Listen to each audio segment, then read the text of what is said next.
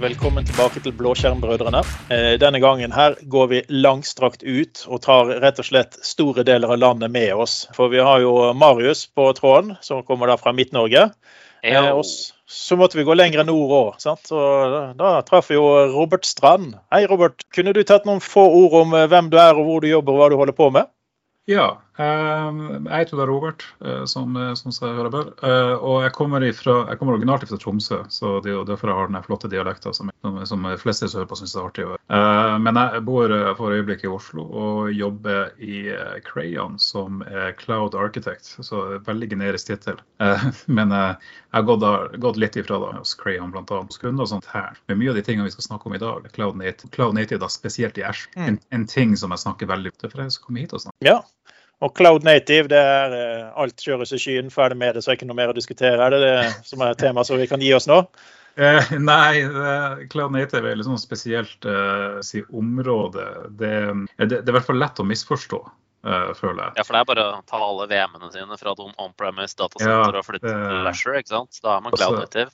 Det er veldig mange som tenker at hvis du bare putter ting i Azure, så er du Cloud Native. Uh, Ja. Det er jo da strengt tatt ikke tilfellet, men uh, uh, Cloud Native er egentlig en moderne måte å ha infrastrukturen sin på som uh, bl.a. spiller på mye av de DevOps-prinsippene. Så det er jo liksom på en måte DevOps-praksis i bunnen, men så er det altså dynamiske miljø, altså ting som kan skalere opp og ned basert på behov. Det er ja, ofte gjerne infrastruktur som kode og, og sånne type ting, men også mye eh, deklarative ting. Eh, hva var det han kalte det for? Altså, du har jo den eh, unmutable infrastructure, all verden man skal kalle det på norsk.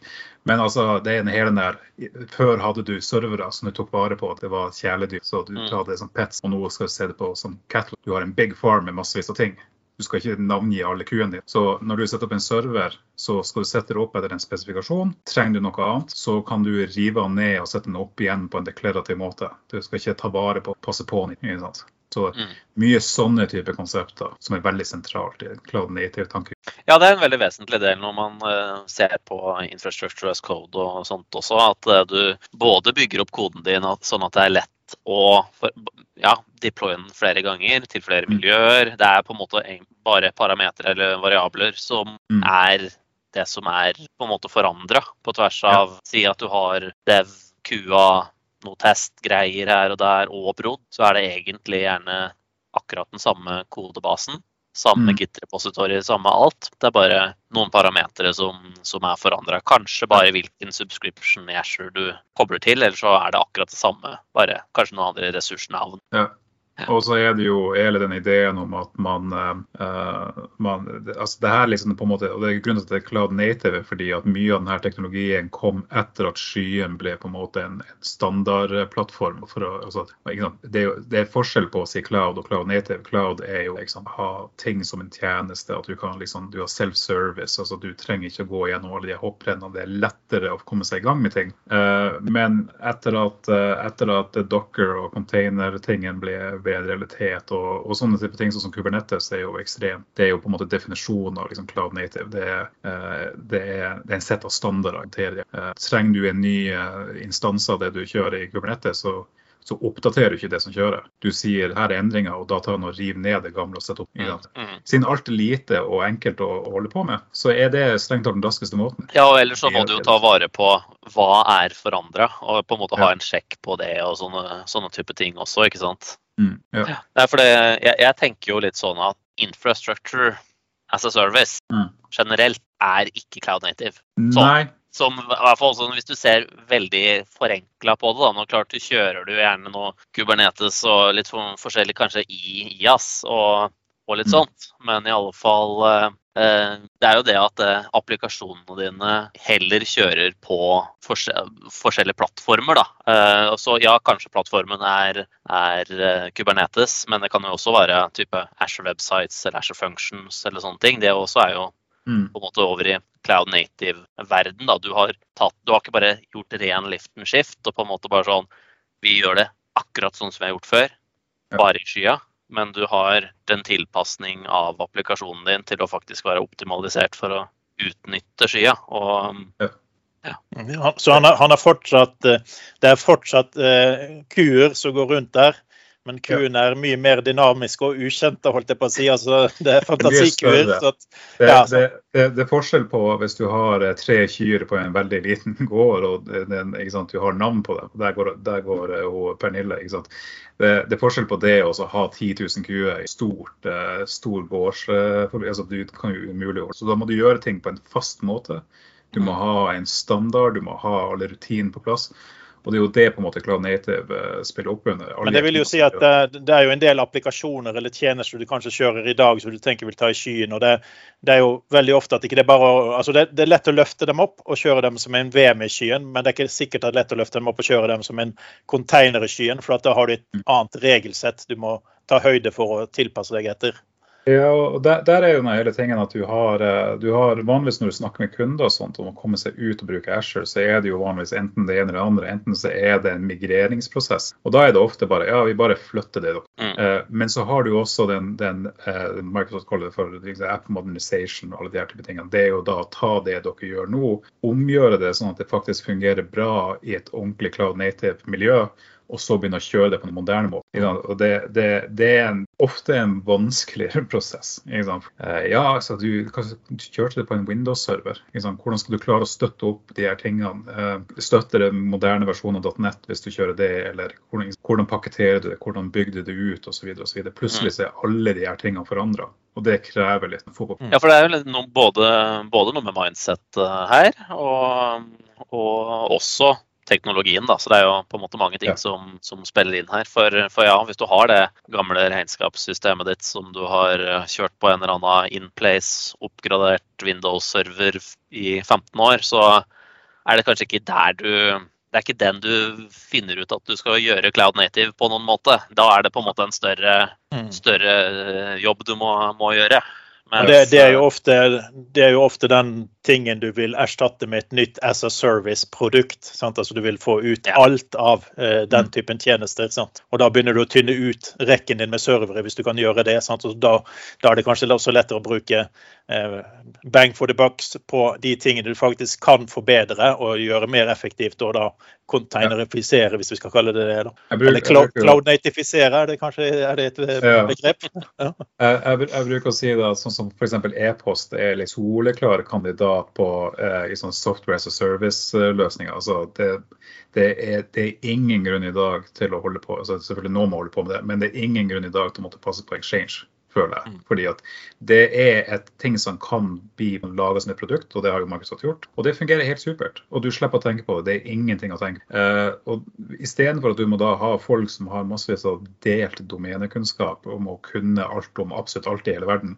så alt fra backup til nettverk ja. til mm. ditt og datt å holde på med exchange i seg sjøl betyr bare at du må strekke deg ut på så mye kunnskapsting. Det treffer så mange ting på en gang. Så kan du heller si at ok, greit, eh, e-post tar Microsoft seg av, eller Google eller hvem du har lyst til å ta seg av e-post. Men vi, lager, vi har et produkt her, og det vil vi ta vare på. Og da kan vi fokusere på å få det som moderne. Så, eh, så de her type tingene er jo, eh, er jo, et tema som er inkludert internt hos oss. Vi gjør jo tider på gamlemåten også internt i Crayon. Jeg prøver fabrisk å Jeg bruker å si kjefte, det er for Nord-Norge, så jeg vant med å kjefte. men jeg gjør egentlig ikke det. Men jeg prøver å geleide folk i rett retning og ta i bruk moderne ting. Og jeg ser jo det at altså, til og med hos veldig tekniske folk så er det mange som går litt hus forbi. For du, de fleste av oss er opptatt med, med, det du holder på med. Du kan ikke være med. Eh, og eh, personlig så sitter jeg i, i Cloud Native Computing Foundation og jobber med bokstavelig talt Cloud Native-ting. Så for meg så er det så naturlig. Og jeg får med meg det som foregår. Men eh, bare for den, i hvert fall den generelle i hvert fall på Microsoft sin side, altså Microsoft profesjonelle, Microsoft eh, Pro. Det, det, er så mye ting som skjer der som ikke har vært naturlig for for dem å være med på. Ikke sånn Nelle sysadmin, Microsoft sysadmin. Det, det, er så mye mm. ting som skjer. og Derfor eh, er jo bl.a. grunnen til at vi starta Asher Cloud Native User Groupen. Så eh, det, det, det, er meg og tre andre som har startet, vi hadde i går faktisk, eh, første meetupen med Brendan Burns fra Microsoft, som da er, er jo han er jo vice president og jobber spesifikt med Cloud Native i Asher. Og er en av dem som hva han sa, jeg tror han skrev 80% av den originale Kubernetes koden. Så han er en av de som har laga Custavitart. Så han er en av hodene bak Kubernetes. Så han kan Cloud Native i hvert fall. Um, og det er stort oppmøte. Microsoft liksom, synsvinkelen i Cloud Native eksisterer. Det er i hvert fall veldig sjeldent. Når du går inn og ser på produkter og ser på verktøy, så er det sånn ja, og i AWS så kan du gjøre det her, i Cloud kan du gjøre det her, og så stopper det. Og så er det liksom, Folk tar ikke med Azure-sida her, fordi at det har tradisjonelt fra Microsofts side ikke vært det. men alt er jo forandra. Nå, nå, er jo alt eh, open source. nå er jo alt, De, er, de eier GitHub og de, de, de, gjør alle de tingene fordi at de satser jo på open source og cloud native. Mm.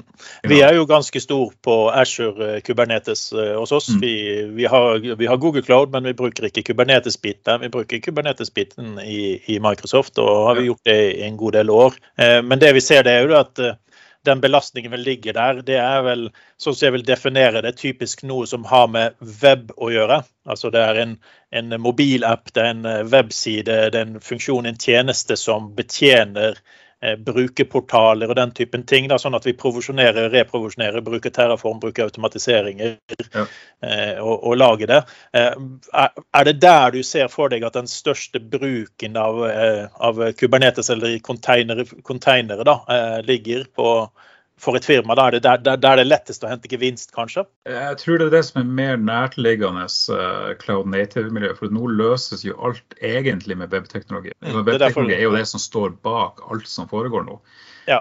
Men samtidig så kan du lage du kan jo lage et container som er full fullversjon av Windows. Altså Du kan lage en container som kan kjøre mange av de tjenestene du før ville hatt på servere. Det betyr ikke at det er en, nødvendigvis en bra måte å gjøre det på, men sant, det er iallfall muligheten. Og, uh, og, ofte så blir jo alt konsumert via en eller annen form for portal. Hvis du har et backup-system, så kan det være at de sier ja, vi kan kjøre det på, med containere. Og vi, vi er her for å sette det opp på Kubernetes. Ikke sant? Så den type IT-driftsscenarioet tror jeg blir kanskje ikke sånn verdens største. altså det er Selvfølgelig den webdelen og, og det her, det blir noe å humpe og gå over det fremste på akkurat. Men, eh, men, personlig så har jeg kjørt tjenester i Kubernetes som ville tradisjonelt vært på en server. Um, ser, det stemmer faktisk veldig godt. Det, det, andre vi har, det er backupen. Altså Vi har en backup-provider som har et Kubernetes-server som spinner og går. Så det, så, det, er en mer sånn tradisjonell rolle som det har blitt eh, implementert. og det, det, er vel gjerne fordi at det, det er roller som lettere kan lese en config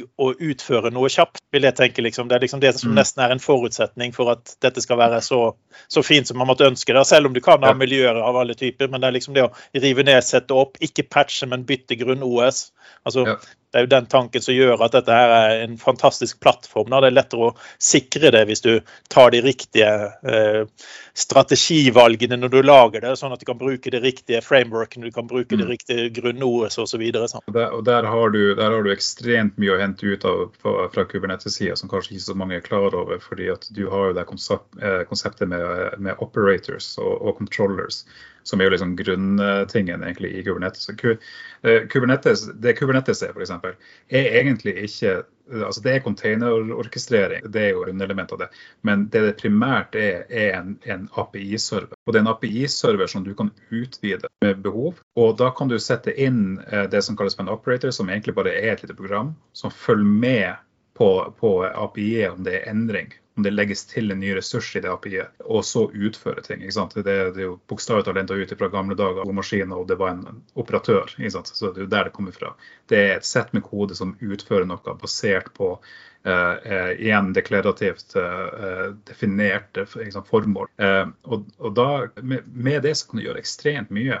Um, liksom når vi snakker om backup, Hvis du vil lage en backup as a service, så finnes det en uh, oper, uh, operator for, for, uh, for, de her forskjellige backup-systemene. Eller f.eks. database, altså en databasetjeneste. Hvis du ville solgt det som en ting. Så finnes det PostgreSQL-operator, det finnes MS SQL-operator, det finnes, det finnes den som gjør alle de her type tingene. Og da kan du egentlig bare legge ting legge inn de her ressursene inn i det API-et. Så hvis du sier jeg trenger en database som skal se sånn ut, så, eh, så er det en liten HTTP-snutt. Bare send inn det inn i det API-et, og så sitter han der operatøren og, og følger med på om det kommer inn, og så gjør han det for deg. Totalt hands off. Så via denne metoden å gjøre ting på, så kan du lage, du kan lage interne tjenester som kan gjøre ting på, til, til én eller seks millioner. Du, du kan det skalere, som jeg si et stygt ord i Nord-Norge, men det, det, skalerer veldig. Um, og, og, kan liksom brukes uh, til mange ting. Men igjen, mye av de her type tingene må man lete litt etter hvis man ikke er i cloud native-verden. Og, og det, det, det, det, er en ting jeg bruker veldig mye tid på nå. Å prøve å forklare de her konseptene. på en måte mm. som mest folk. Men det, jeg har sett som litt sånn praktisk problem, da, det er jo det at pga. at dette her er da automatisert og kontrollert og verifisert så bra, mm. så ser jeg det at eh, subsystemene ofte kan gi oss litt, eh, litt utfordringer med at han da f.eks. har slått på en funksjon ved hjelp av en policy i Ashore. Mm. Og hvis da statusen på ditt ditt Kubernetes-cluster er da at det plutselig ikke er konsistent lenger pga. at det har skjedd en endring som han ikke har kontroll over.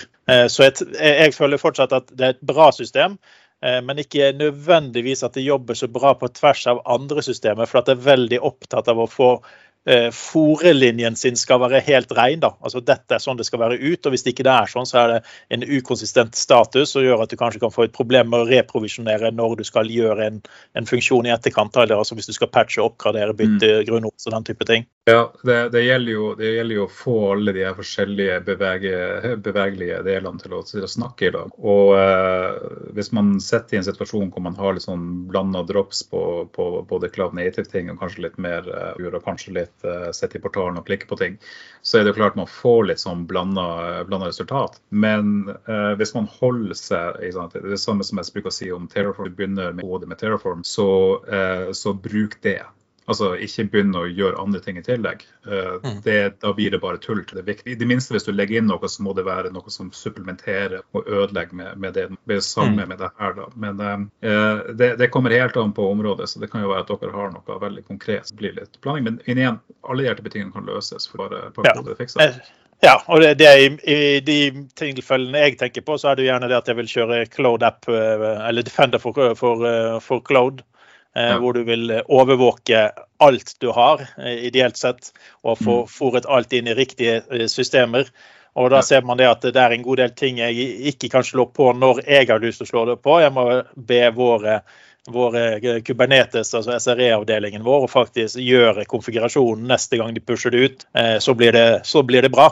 Eh, ja. Men det er liksom ikke, det er ikke bare å gå inn og slå på noe og forvente at tingene går bra. altså Du blir f.eks. anbefalt at, ikke, at, du ikke skal bruke ukjente imager, men eh, en mm. backup-løsning vil jo f.eks. hente ut ting fra sine egne eh, blobber eller repositories istedenfor å hente det ut fra Microsoft sine. Så, så, det er en god del sånne recommendations som er lett å slå på, og så tenker du ikke over at du faktisk kan knuse, knuse det som ligger der. da. Så, så det er, ha tungen i rett munn. Det er viktig. Ja. Det, det er for så vidt et godt tips uansett, men, men, eh, der er det mye man kan gjøre med bl.a. Eh, ja, så klart, I en situasjon som du er i, så har du jo du har et SRE-team som tar seg av selve uren og Terraform, og så mm. har du liksom at du sitter og ser at du trenger å gjøre en ting. Eh, der er det jo alltids mulig å lage et eller annet form for mellomledd som får deg rapportere om ting, og kanskje til og med dynamisk for oppdatert ting i fart. Men klart, og, da, og, da, begynner vi å komme inn på mer sånn uh, GitOps fra Cloud Native-verden. Og, og først må jeg bare si at GitOps betyr ikke kjør en pipeline med noe på skript. Det, det, er ikke GitOps. Bare for at du har det i Git, betyr ikke at du kjører GitOps. GitOps er en veldig definitiv måte å jobbe på. Det er start art operations through Git. Altså.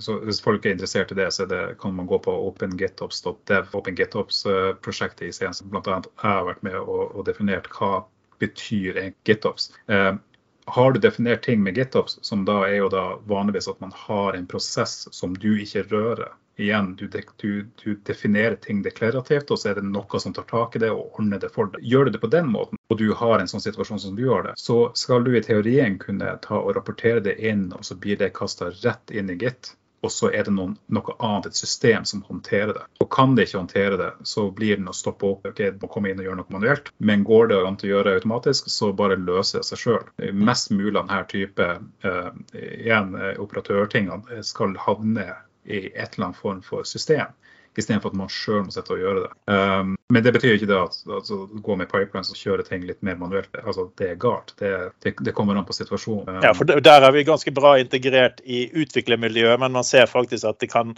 mangle litt av OBS-biten eh, i denne sammenhengen. Der, sant? Altså, utviklerne ja. har vært flinkere til å ta dette i bruk, og de har lagt systemene med de tingene de ser som nødvendigheter. Eh, men mm. så har de kanskje glemt litt driftspersonell, siden vi da har en DevOps-verden. Så er det jo Ops må jo inn i dette her også og kunne eh, utnytte disse metodikkene best mulig også da, for å effektivt kunne gjøre dette her. Så Ja.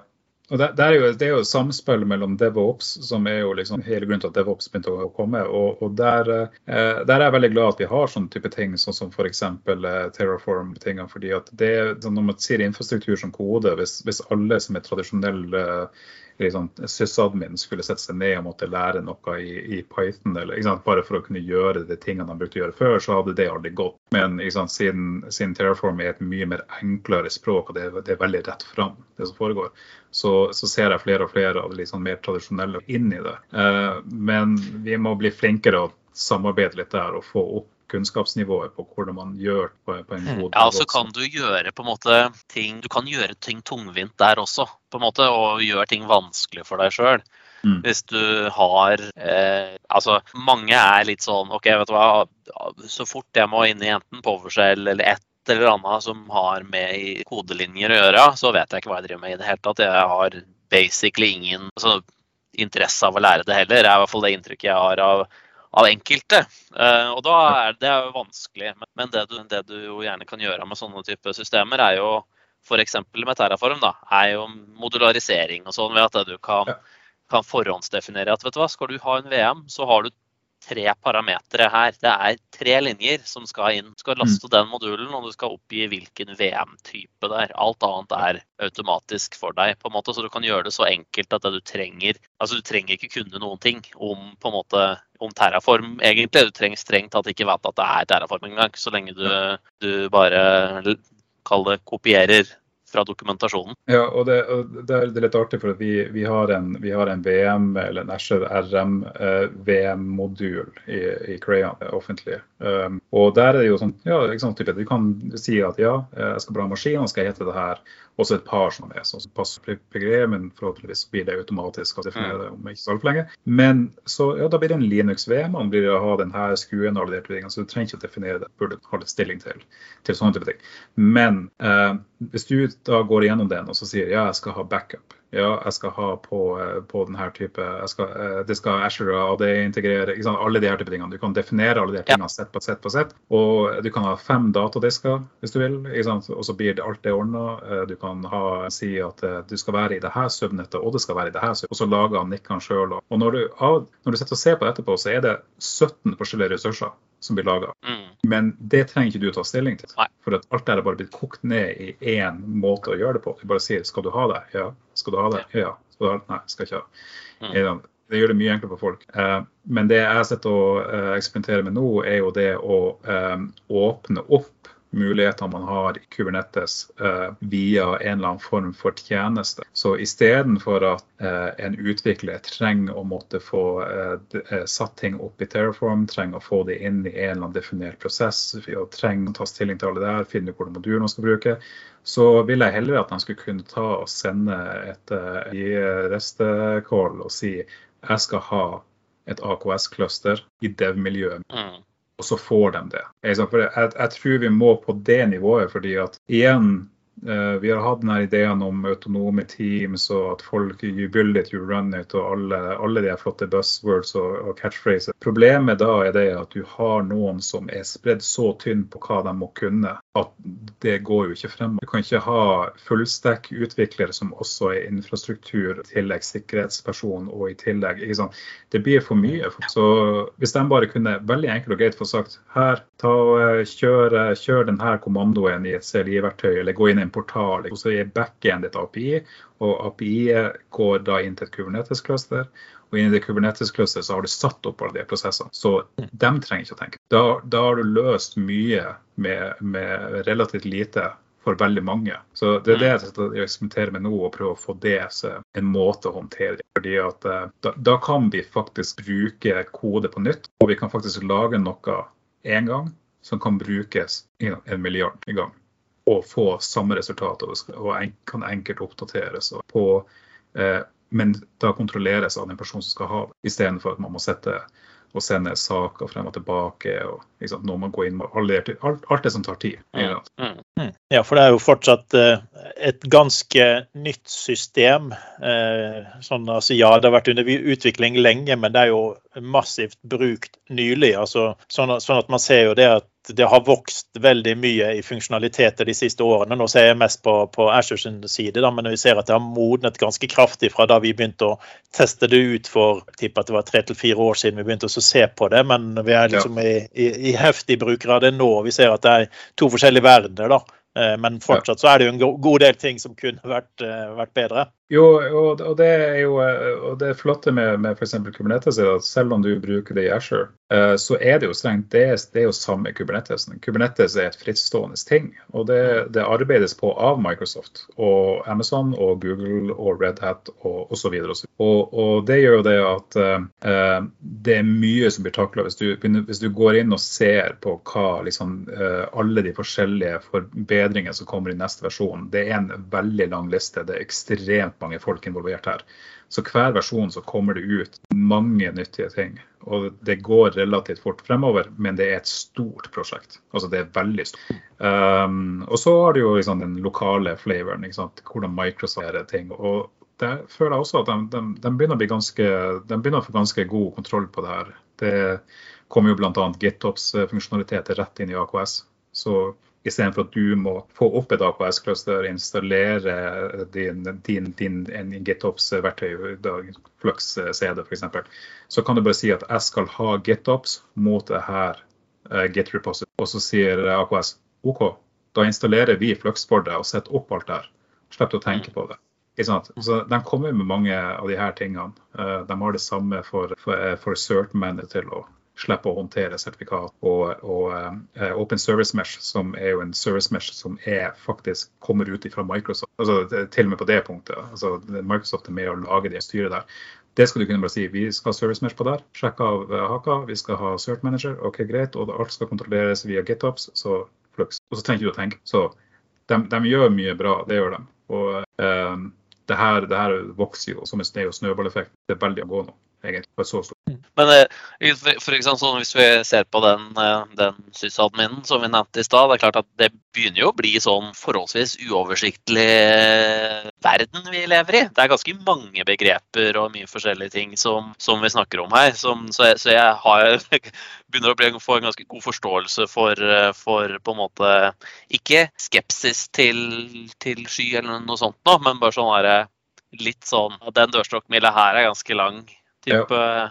tankegang. Og, ja, og den skjønner jeg også, men samtidig så eh, tror jeg ofte det stammer i den der eh, frykten for ukjent. Og, og, og, hvis man bare snakker med noen som kan spesifikt det du lurer på, så blir det mest sannsynlig å si at i de aller fleste tilfellene så er det egentlig helt tradisjonell, gammel teknologi men som er blitt tenkt på på en bedre måte. Uh, han, eh, han, Brendan Burns dro jo fram uh, massevis av elementer av hvordan en container fungerer, og det stammer tilbake til 70-tallet. Det, det, er ikke nye ting.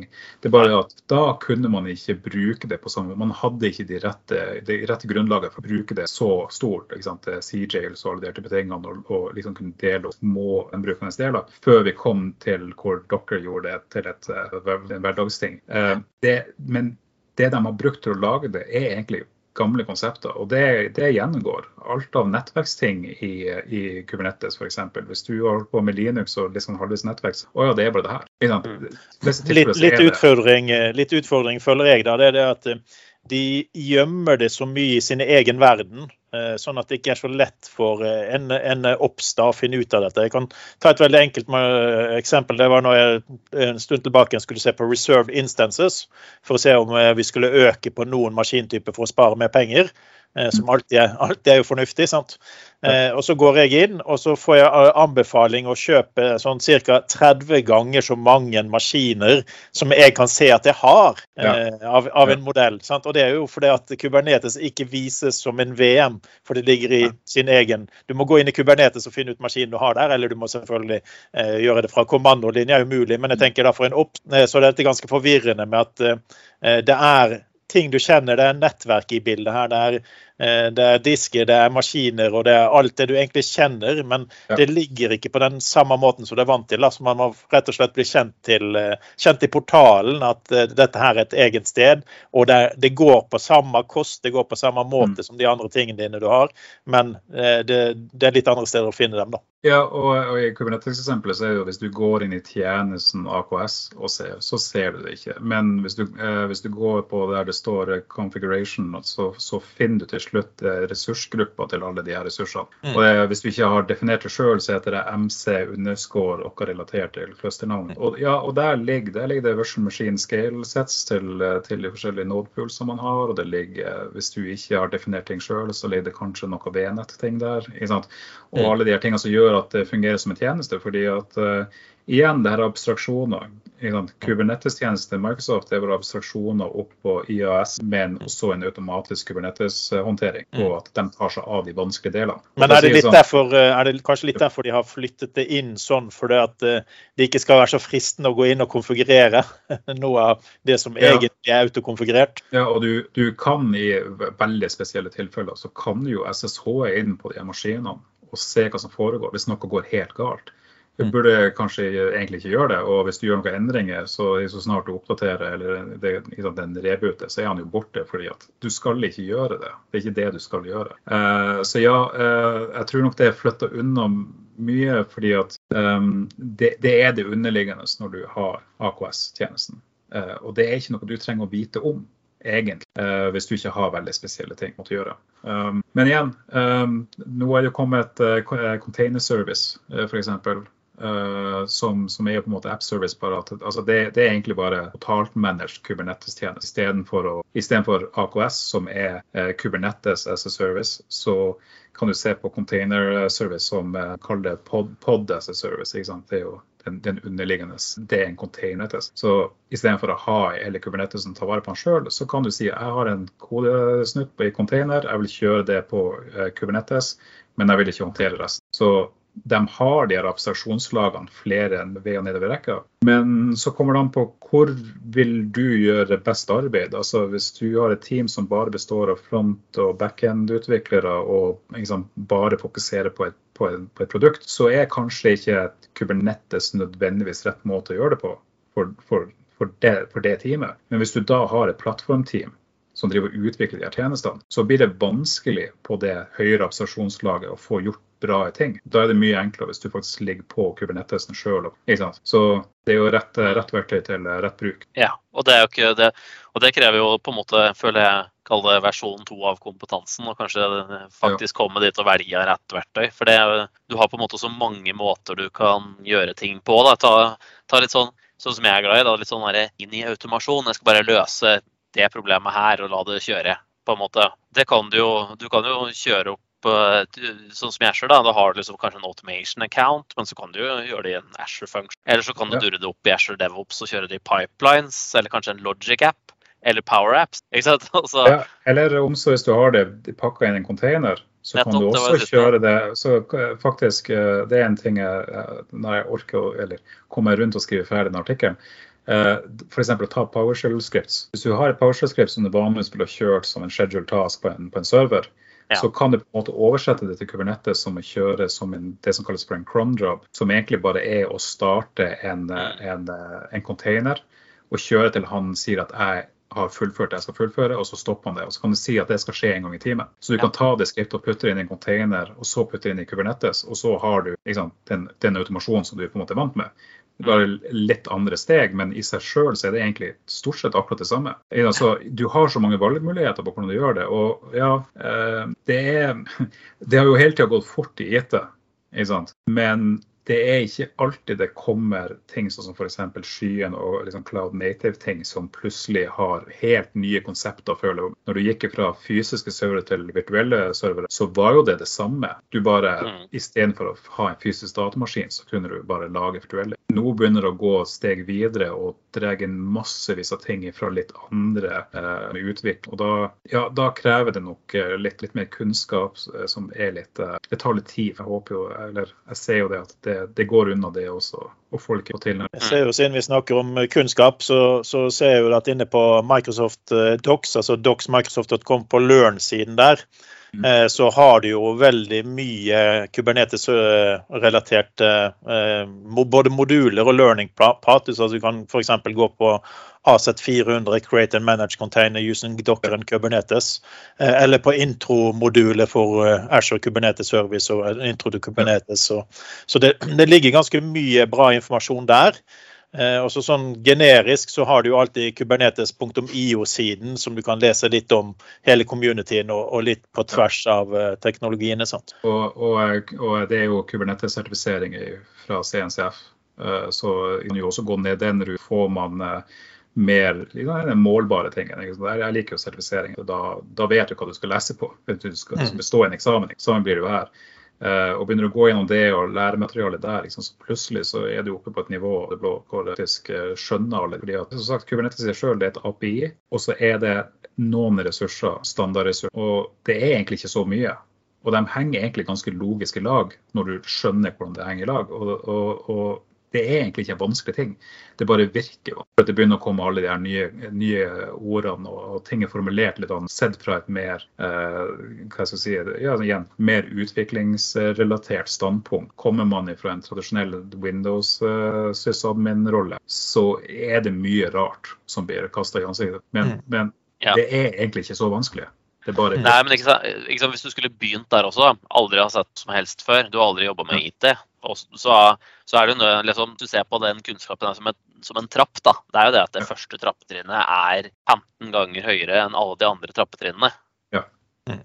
Så, og der tenker jo jeg at det kan være fornuftig å, å få litt hjelp kanskje til å bestige det første trinnet. Med kanskje si at du ønsker å innføre noe infrastructure as code og sånne ting. Da har du både litt terraformkunnskap eller bicep eller andre, andre løsninger. Ehm, så du trenger litt der. Du trenger kanskje litt forståelse av sjølve eh, noe pipelines, enten i DevOps eller Actions i GitHub eller lignende.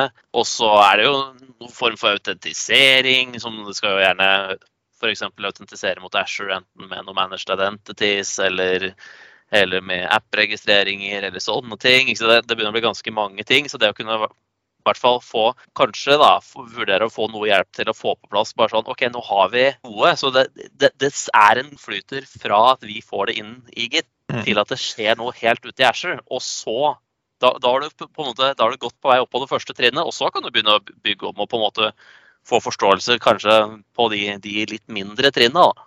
Ja. Det var vel det du snakket om, Robert, om at du satt og jobbet med å prøve å få en måte å automatisere det du kanskje må få på plass for å kunne ta det i bruk. Altså mm. Få clusteret ditt opp og gå. Altså, vi har jo flere forskjellige blå, blå og grønne eh, clustere, sånn at vi kan flytte mellom eh, forskjellige ting. Så vi har oppsettet, og det gjør jo det at alle utviklerne våre de kan fokusere på å utnytte ressursene som ligger der. Eh, og utnytte Kubernetes på best mulig måte for dem, uten at de må gå inn og skjønne eh, det som ligger helt på bånn. Ja, og, og, og, det er jo akkurat det at hvis, eh, hvis, alle dem som skal bruke de ressursene, også måtte lære seg hvordan det skal settes opp, og i mm. de verktøyene som er da valgt til å gjøre det, er jo, det er jo klart at det, det, blir mye, og folk blir uh, rett og slett utbrent. Det, det, det, er mye kunnskap involvert her. og Derfor man har folk som fokuserer på visse områder. Mm. Uh, men av en eller annen grunn så har noen funnet ut at det skal man ta hel, alle skal kunne alle delene oppi det. Uh, og det er jo, der er jeg, liksom, sånn, jeg er litt imot det. Uh, ja, altså jeg, jeg, kan jo skru fra hele bilen, demontere den og montere den sammen igjen. Det kan jo jeg, jeg gjøre siden jeg skal kjøre den. Ja. ja. Det, ja, men det er jo det samme du har gjort litt sånn om, typisk on-prem også. at eh, Du har jo gjerne folk som kan databaser. Du har noen som kan nettverk. Du kan, du har delt opp litt der også. Bare, du har delt opp i andre ting. Andre bøtter. Men ja. uh, Men det ble liksom, når, sky, når, skytanken kom, så ble det liksom veldig fort sånn der at ja, det, dette er jo så lite, så det, altså, nå er du en skyspesialist, sant? Mm. OK, ja. nå kan jeg alt om, alt ja, det er alltid artig når folk refererer til meg som en Azure-ekspert. Altså, sånn, ja, ja. Uh, Fins ikke. Ja. Det fins ikke en eneste Azure-ekspert. Hvordan del av det? Fordi at det, ja. det, er noen tjenester inni ja, Nei, og, og jeg, jeg syns det jeg, synes, jeg tror folk har litt mer edruelig syn på det nå. Det, det var verre før. Og igjen, det kommer, mye av det kommer jo ifra at du ser hva, hva, Netflix har gjort, og du ser hva Facebook har gjort, og du ser hva de her folkene har gjort.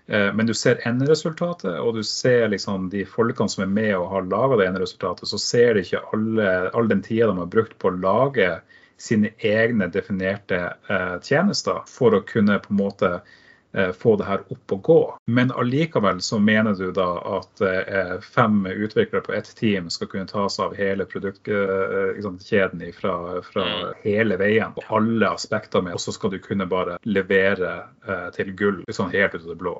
Og, og det, det, er ikke sånn det fungerer. Så eh, det, der, der, der, tror jeg fortsatt på at det er et viss separasjon. Og så har du jo den DevOps som jeg føler mange misforstår litt. Det, det er jo massevis av DevOps-stillinger ute og går, og DevOps-teams. Men DevOps er jo det alle skal bruke. Det er jo, det er jo en metode for å arbeide. Mm. Eh, men klart, et produktteam som har utviklere, så kanskje du har en tur eh, cloud-plattform tar seg av det som utviklerne kan lett ta i bruk infrastruktur. I det minste ha det skillet. Da, da ja, for du, du, du, ser jo sånn Asher Enterprise Scale Landing Zones og sånt. Det er jo ikke sånn at altså, Du etablerer jo en, nettopp en landingssone for at noen skal kunne ja. forholde seg kun til den landingssona. Ja. That's it. Altså, ja. du, for at du skal kunne få opp en tjeneste, trenger du ikke vite hvordan den I det hele tatt vite hvordan ting blir kobla til resten av miljøet der. Det er irrelevant for deg, ikke sant? Du skal kunne si at nå trenger jeg ressursene mine. Mm. Eh, og siden ting er definert bra på plattformnivået, så er det veldig enkelt. Ja, ja det, det, er nye management group, kanskje få i gang eh, noen nye subscriptions basert på hvordan du har satt opp ting. Og så ikke sant, policy og alt trikker nedover. Du setter noe adgang på, på landingsnivået, og så ja. sier du AKS. Ja, OK, greit. Her. Eh, du trenger de OK, ja, greit. Ikke sant? Og det kan automatiseres. Det er veldig enkelt når du har definert ja. mm. Det er sånne her type ting som jeg håper at, at uh, sure, uh, Cloud Native User Group tar det opp. fordi at uh, det, det, det, er det her jeg føler Microsoft-sfæren. Uh, det, det får liksom sett, jeg ser veldig mye gammel tankegang i Asher-tenenten til, til, kunder. Det, er mye ja. gjort sånn som de gjorde on-prem. Ja så mm. satser vi på at det går bra, og så blir det bare tull. Jo, men det er det. Altså, ja, det er, det er et godt poeng at det, vi satser på at det går bra. At vi, vi, sta, vi starta, vi. Vi, vi fyra opp litt, gjorde litt manuelt og alt mulig sånn. Og så har du egentlig den oppryddingsjobben bare mm. lagd deg i stedet. Og 300 subscriptioner. Ja, ok, det er godt. ja. Så, men jeg tror vi nærmer oss en av, avrunding. Og så bare for å avrunde med, med noe superenkelt, eh, så må vi ta et nytt begrep. Serverless. Eh, er serverless at du kjører på andre sine kubernetiske clustre? Det kan være det. Ja. um, Nei, uh, serverless som et begrep er jo, er jo litt sånn, uh, sånn, spesiell ting. fordi det, det, er jo ikke noe som heter det. Altså, mm. det, det må jo kjøre en plass. Ja, nettopp. og det er eh, derfor jeg bare tenker, er Bakkant, er den da tilsvarende en containerifisert eller en cloud-natifisert verden som du slipper å ha kontroll? nesten alle tilfeller så er det nok antageligvis Kubernetes eller noe veldig nærtliggende som ligger under det. ja. Um, og, og, og det er OK. Og det er litt sånn her type eh, tankegang at ja, hvis du er utvikler, så har du en kode du vil at den skal kjøre. Da, da har du ikke lyst til å tenke på hva som foregår under. Og eh, serverless eh, i, i, offentlig sky og bl.a. i Asher er jo et et helt greit konsept. Problemet kommer når du har eh, liksom type governance-ting du må ta, ta, ta, tak i. Du mm. har eh, sant, reglement der du er, i, i hvor enn du jobber. I, egentlig, egentlig alt som krever den minste justering av det yes. som er der. Sant? Så har ikke du den tilgangen. Og der stopper det, da. Men hvis du har et, et plattformteam som tar seg av, eh, tar seg av Kubernetes-delen, så kan de eh, nå bl.a. hoste både App, eh, app Service og, og, Azure Functions direkte på Kubernetes.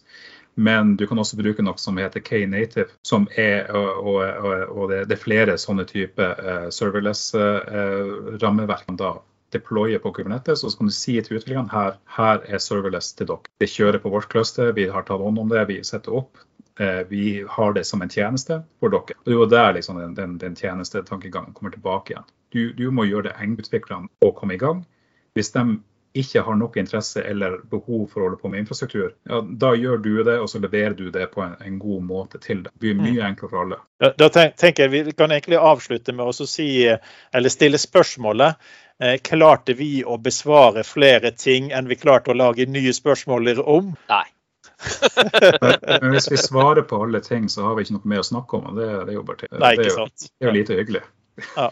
Men det var jo veldig interessant å få deg med, Robert. Vi, vi, vi, må jo se om vi kan få deg med flere ganger, for dette var spennende. Selv om det kanskje er for en egen gruppe brukere, så tror jeg faktisk at alle som jobber som, som eh, IT-pro i dag, må ta seg tid til å bli kjent med det vi har snakket om i dag. Sånn at de, de innser at ja, du, du, behøver kanskje ikke å kunne Kubernetes, men du må kjenne til hva det er, hvordan du bruker, hvordan du kan utnytte det, og hvordan utviklerne dine eller de som du har av leverandører, utnytter det. Sånn at det skjønner og forstår konseptene. da.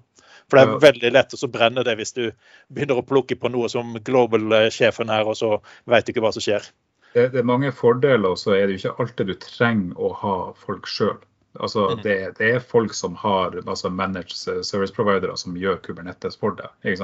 Så, mm. eh, men, men, å vite hva mulighetene er, er liksom på en måte første steget til å vite om man trenger det. Uh, så, eh, så nei, jeg håper, håper folk uh, inn og vi sa kanskje sitter igjen med mer spørsmål. Men igjen, da er det bare, det er bare å ta kontakt. Uh, ja, du hadde jo brukergruppen din. Si ja. navnet på den, så folk finner, den, finner frem til den.